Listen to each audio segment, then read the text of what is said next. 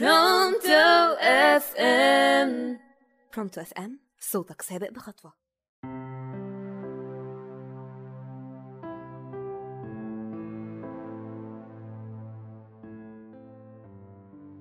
مساء الخير يا حبايبي. معاكم رشا حيدر وبرنامج طيور الروضة على راديو برونتو اف ام كان يا مكان وما يحلى الكلام غير بذكر النبي عليه الصلاة والسلام. رجعت حليمة لبيتها في البادية في ديار بني سعد. وكانت فرحانة قوي علشان والدة سيدنا محمد وافقت إنه يرجع معاها البيت ويقعد وقت أكتر. أنتوا عارفين إن ربنا اختار سيدنا محمد إنه يكون أحسن واحد في الدنيا كلها وهيعلم الناس كلها الخير. فعشان كده ربنا هيخلي قلب سيدنا محمد أطيب وأطهر قلب مليان بالخير وما فيهوش أي شر. ما يقدرش الشيطان الوحش يخلي سيدنا محمد يعمل أي شر أبدا. الأطفال في البادية كانوا بيحبوا يلعبوا مع سيدنا محمد. ففي يوم من الأيام راح الأطفال كلهم ومعاهم سيدنا محمد يلعبوا ورا بيت حليمة. عارفين إيه اللي حصل؟ ربنا خلى ملاك شكله جميل قوي شكل الراجل الطيب ولابس هدوم لونها أبيض ونظيفة يروح عند الولاد اللي بيلعبوا.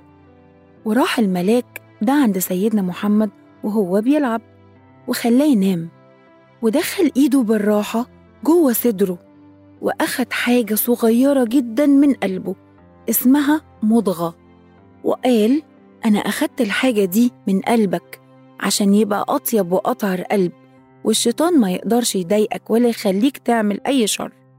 ومشي الملاك. طب الملاك ده عمل كده إزاي؟ هقول لكم. عشان ده ملاك من عند ربنا. وربنا هو اللي علمه يعمل كده. بس الولاد التانيين خافوا قوي وافتكروه راجل شرير وافتكروه بيأذي سيدنا محمد. فطلعوا يجروا بسرعة على حليمة وقالوا لها الحقي الحقي محمد اتقتل محمد اتقتل في واحد جه وموته.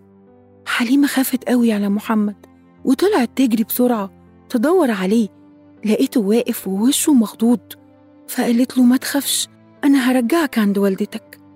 أخدت حليمة محمد ورجعته لوالدته فاستغربت قوي وقالت لها إيه اللي حصل؟ حليمة قالت لها بصراحة أنا خفت عليه وحكت لوالدته كل اللي حصل لكن والدته قالت لها ما تخافيش أنا عارفة إن ابني ده مش طفل عادي ولما كنت حامل وكان هو لسه جوه بطني كنت دايما لما نام أحلم حلم جميل قوي إن في نور جميل بيخرج من جسمي وبينور الدنيا كلها. وحاسة ابني لما يكبر هيبقى إنسان يعلم الدنيا كلها الخير. اللهم صل وسلم وبارك عليك يا رسول الله. وبكده نكون انتهينا من حلقة النهاردة مع رشا حيدر وبرنامج طيور الروضة على راديو برونتو إف إم.